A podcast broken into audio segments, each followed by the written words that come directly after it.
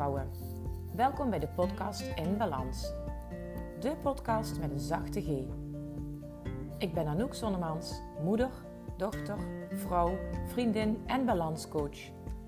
Als je me beter wil leren kennen, volg me dan hier en op Instagram of LinkedIn. In deze podcast wil ik twee dingen met je delen.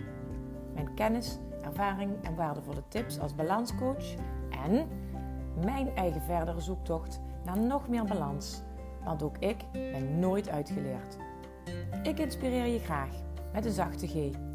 Veel luisterplezier.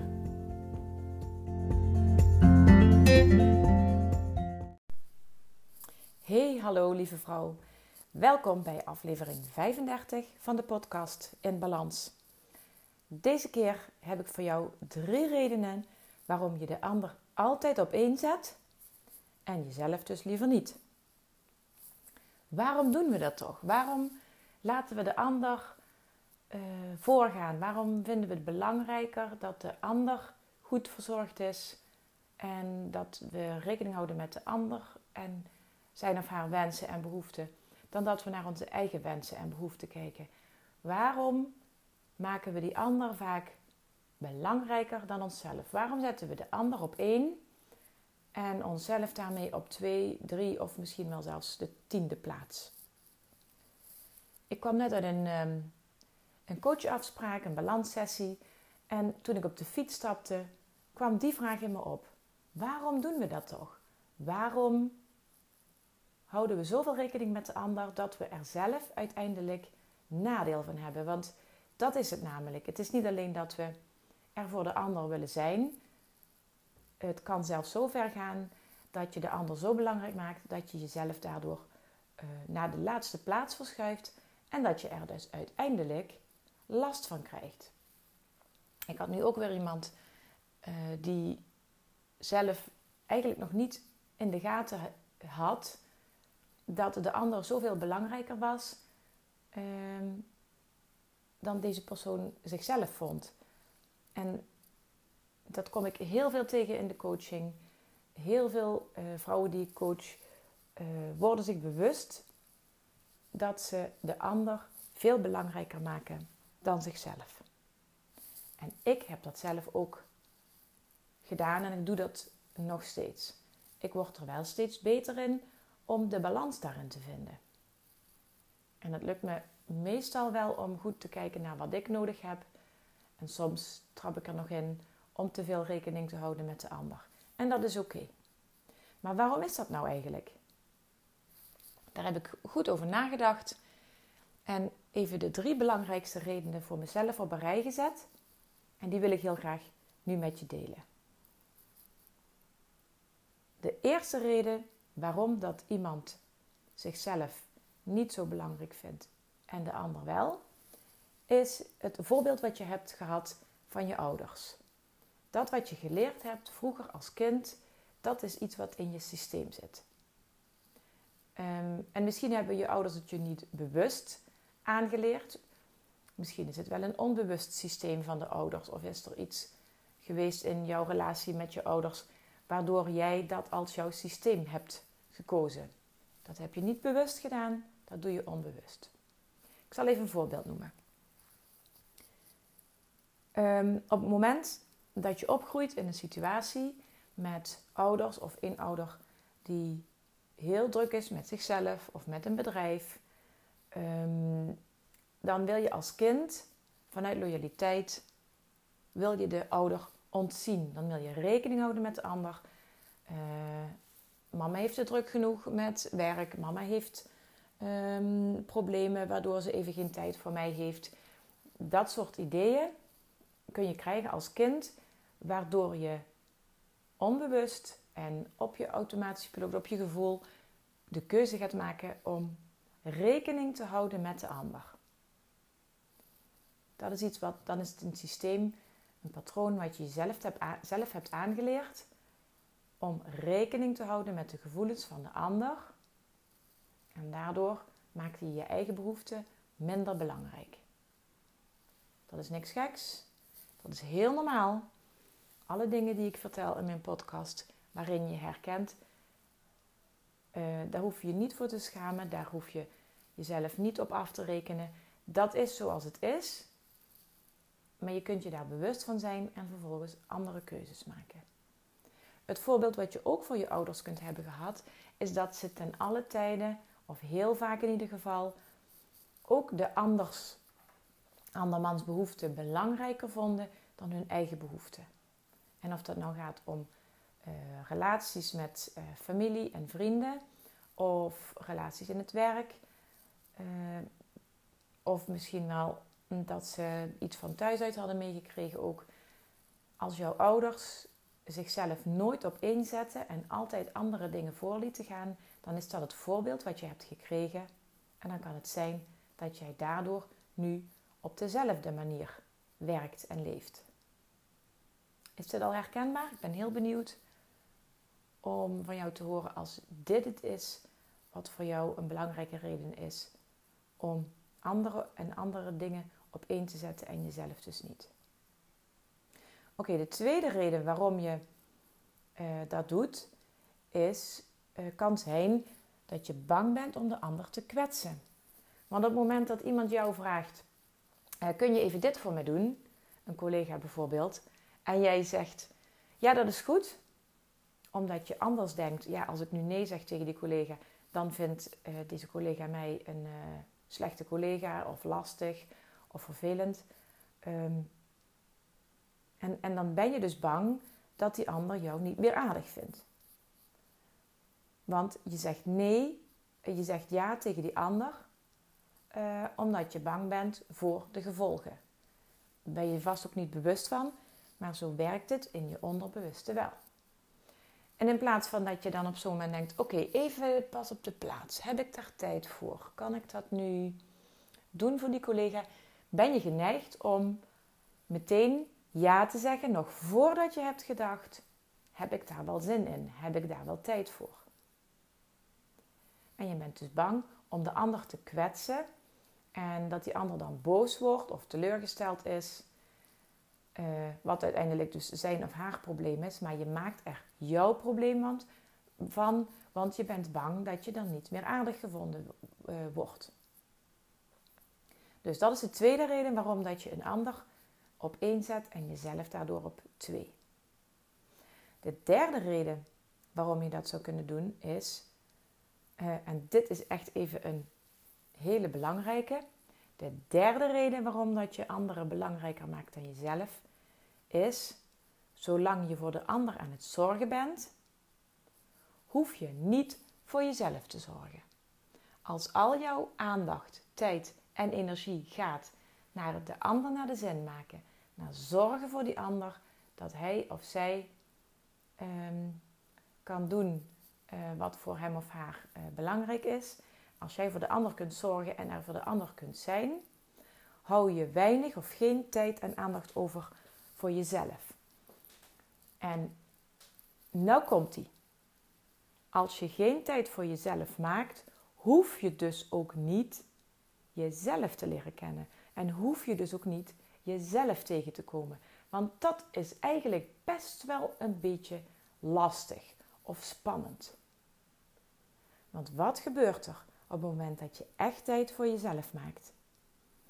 En gaat onderzoeken wat er nou is waardoor jij bepaalde keuzes maakt waar je op de lange termijn niet gelukkig van wordt. Waarom jij bepaald gedrag vertoont wat jezelf in de weg zit als je dat gaat bekijken en onderzoeken, dan is dat eigenlijk best wel confronterend. Het is een prachtig proces, maar het is ook echt wel een lastig proces op sommige momenten. En zolang je uh, je eigen belangen, je eigen behoeftes, je eigen wensen uh, op de lange termijn blijft schuiven en je in plaats daarvan dus met anderen bezig gaat houden, hoef je dat dus nog niet aan. En als je dit nu in jezelf herkent, dan is dat oké. Je hoeft nu ook niet opeens te zeggen: Oké, ja, vanaf nu ga ik het anders doen. En vanaf nu ga ik alleen maar tijd voor mezelf maken. Want dat gaat niet lukken.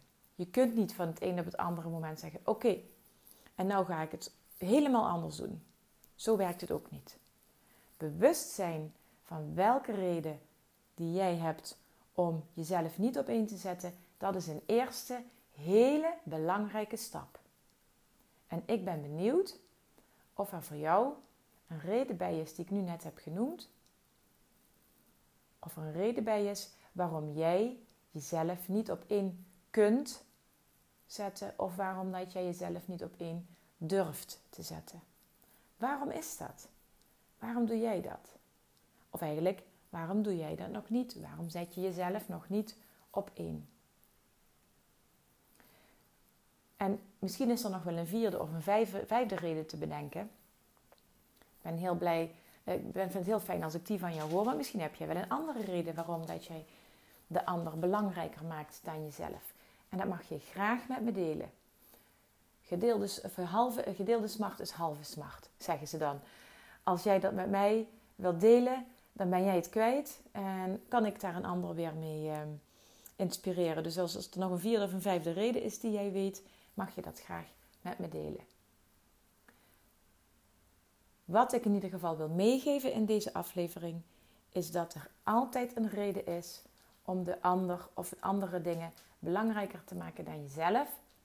Maar dat het uiteindelijk op de lange termijn ook echt goed is om jezelf op één te zetten. En dat betekent helemaal niet, dat zeg ik ook altijd, dat betekent helemaal niet dat je egoïstisch bent of dat je jezelf altijd op één moet zetten. Nee, doe dat alsjeblieft ook niet. Als jij namelijk degene bent die van nature uit de ander wil helpen en voor de ander wil zorgen en dat dat ook iets is wat je in je werk heel graag doet, als daar jouw hart heel blij van wordt, dan moet je dat ook absoluut niet weglaten. Dan moet je dat ook niet, uh, niet meer willen. Maar je mag daar wel een balans in hebben. Die balans tussen wanneer zorg je voor de ander en wanneer zorg je voor jezelf. Die balans is ontzettend belangrijk om te zorgen dat je uh, overeind blijft. Dat je niet in een burn-out raakt. En dat je niet uh, vervelend gaat doen tegen je kinderen omdat je na een lange werkdag even niks meer kunt hebben. Want op het moment dat jij met dat soort, uh, tegen dat soort dingen aanloopt, dat je ehm, prikkelbaar bent, dat je weinig kunt hebben van de mensen om je heen, dat je aan het einde van de dag uitgeblust op de bank ploft, dat zijn de signalen die je mag herkennen van oké, er mag nu iets gaan veranderen in die balans tussen goed voor mezelf zorgen en goed voor de ander zorgen. Het is niet voor niks mijn motto: zorg goed voor jezelf, dan kun je er ook voor de ander zijn. En ik ga je er nog een voorbeeldje in geven uh, van mezelf. Het, klinkt, het is iets heel simpels, maar zo waardevol voor mij. Op het moment dat ik mijn uh, afspraken ga inplannen met mijn klanten, uh, in het begin deed ik dat gewoon zoals het past in mijn agenda. Oh, dat is een werkdag, dus dan kan ik afspreken met mensen. En ik werkte van dinsdag tot en met vrijdag tot vorig schooljaar. En uh, op enig moment, nou nee, toen ik begon als ondernemer zelfs, werkte ik alle dagen. Als mijn kinderen niet thuis waren, was ik aan het werk. Totdat ik in de gaten kreeg, ja wacht eens even, dan ben ik, als de kinderen, tot de kinderen naar school gaan, ben ik voor, de, voor hen aan het zorgen. Als ze thuiskomen ben ik er ook voor hen. En in die uren daartussendoor ben ik alleen maar met werk bezig en soms met het huishouden. Nou, dat werkte dus helemaal niet. Want er was nergens tijd voor mezelf en ik was alleen maar rekening aan het houden en aan het zorgen voor de ander. Dus toen heb ik al besloten, ik ga op maandag niet werken. Nou, dat scheelde al heel veel. Dus ik kon ook op maandag geen afspraken plannen. Ik had het eerst met mezelf afgesproken. Ik ga op maandag geen werk doen. En dat heb ik ook heel lang kunnen volhouden en dat werkte supergoed. Op maandag ging ik dus uh, mijn huishouden doen en uh, dingen die ik uh, leuk vond om te doen, wat niks met werk te maken had. Um, vervolgens deed ik dus wel nog steeds op dinsdag tot en met vrijdag, plande ik wel alle afspraken in zoals die binnenkwamen. Met als gevolg dat ik op dinsdag een keer een afspraak had in Heerlen en op donderdag een afspraak in uh, Roermond. En op woensdag weer uh, ook nog een in Heerlen even ertussendoor gepland. En dan op vrijdag, waar ik eigenlijk niet buiten de deur wilde werken, voor mijn gevoel, plande ik dan ook nog maar even iets wat er nog eh, extra bij kwam. Omdat ik geen nee durfde zeggen. Omdat ik niet durfde zeggen, deze week zit ik vol. Nou, dat werkte dus helemaal niet voor mij, want ik was met van alles en nog wat tegelijkertijd bezig. Ik zorgde dus op dat moment niet goed voor mezelf en ik liet de wensen en de behoeften van de klant liet ik op dat moment voorgaan op mijn eigen wensen en behoeften. En ik had behoefte aan rust, duidelijkheid en structuur. Want daar doe ik het gewoon super goed op. Wie niet? De meesten die ik ken doen het daar heel goed op en weten dat ook van zichzelf, maar vinden het lastig om dat te creëren. Daar kan ik dan wel bij helpen. Maar goed, ik besloot dus om, uh, als ik naar Heerlen moest, dat alleen nog maar op dinsdag te plannen. Dus alle volgende afspraken en aanvragen die kwamen in de buurt van Heerlen, daartegen zei ik, dat kan, um, maar alleen op dinsdag.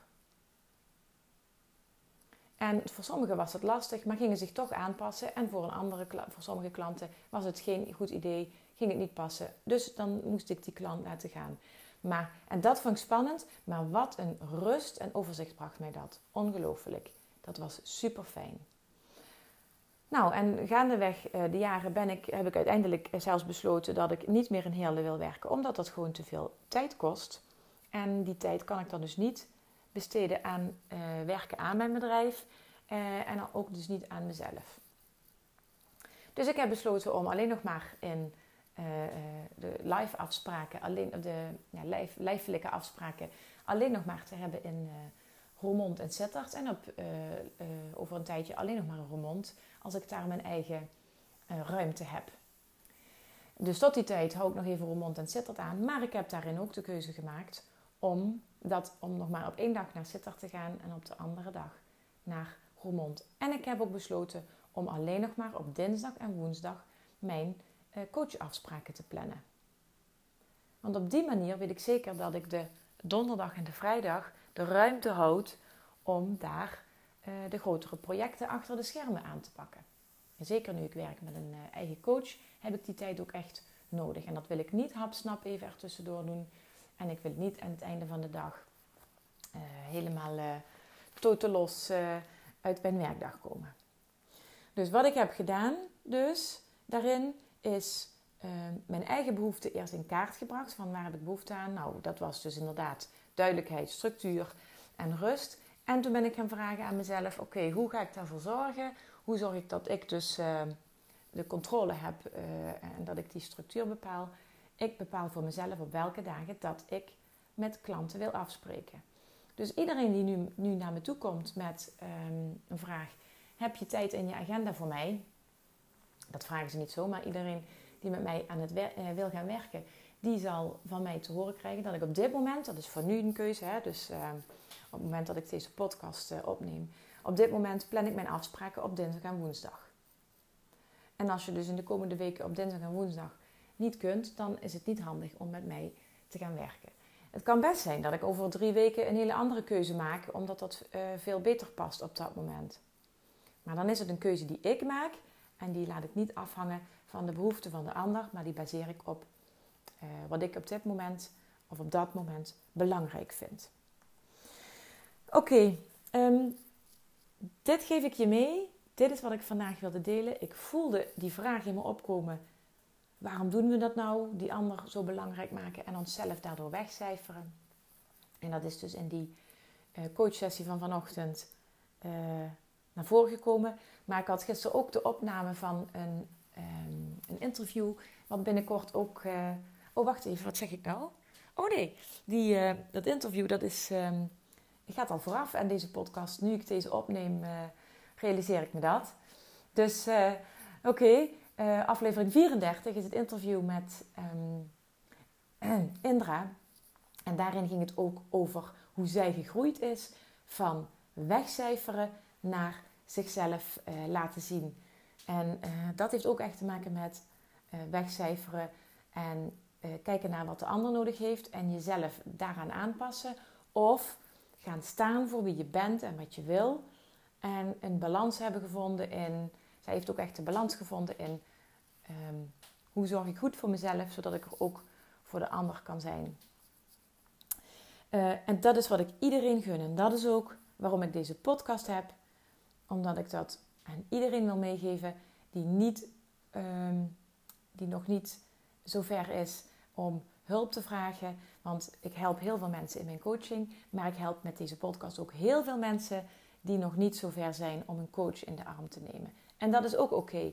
Haal dan alles uit deze podcast wat je eruit kunt halen. Luister naar deze podcast, luister ook naar andere afleveringen. En luister er niet naar, alleen naar, maar haal eruit wat voor jou op dit moment belangrijk is en ga er iets mee doen. Blijf niet in hetzelfde cirkeltje ronddraaien, want op de lange termijn heb je daar alleen maar jezelf mee en dus ook de ander. Want, ik sluit er weer mee af voor vandaag, zorg goed voor jezelf, dan kun je er ook voor de ander zijn. Dank je wel voor het luisteren.